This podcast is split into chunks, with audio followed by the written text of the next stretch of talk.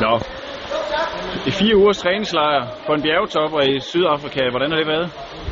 Skønt. Dejligt. Rigtig Specielt dejligt. de to sidste uger, ikke? Ja. I varmen og solen. Til det var, der var lidt... Øh, nej. Øh, så det var god træning, men det er super kedeligt sted, altså. Og Sydafrika er super nice. Altså, jeg var ikke udenfor i to uger. Vi var i To Sjælland. uger. Ja, altså, det er alt er under et tag, Ja. ja. man, man kommer ikke rigtig udenfor. Men øh, god træning, hører jeg. I havde også besøg af ham, vores estiske ven, kunne jeg forstå. Så fik I noget, fik I noget godt ud af det? Jeg synes, at de Biomekanikeren. sidste ting, man lige sådan skal rette til inden sommer, ikke, synes jeg, altså, det, Ja. det er jo det, der er vigtigt. Det er de små detaljer, der kan afgøre, hvad der sker.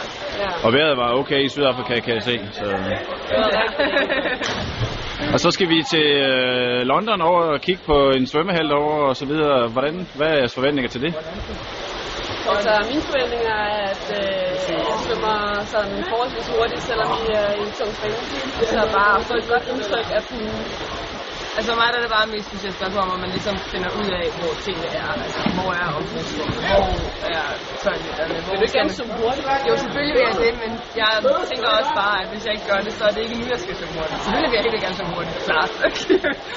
altså ikke over for at svømme langsomt. Så det bliver en stor konkurrence, tror jeg. det gør Øh, det. de engelske svømmer. Det gør Og... det. Jeg tror, øh, at de piger, jeg skal svømme mod, det er også de samme piger, der er til rundt. Så det er sådan lidt, øh, lidt en generalprøve på mit Ja. vedkommende. Held og lykke med det.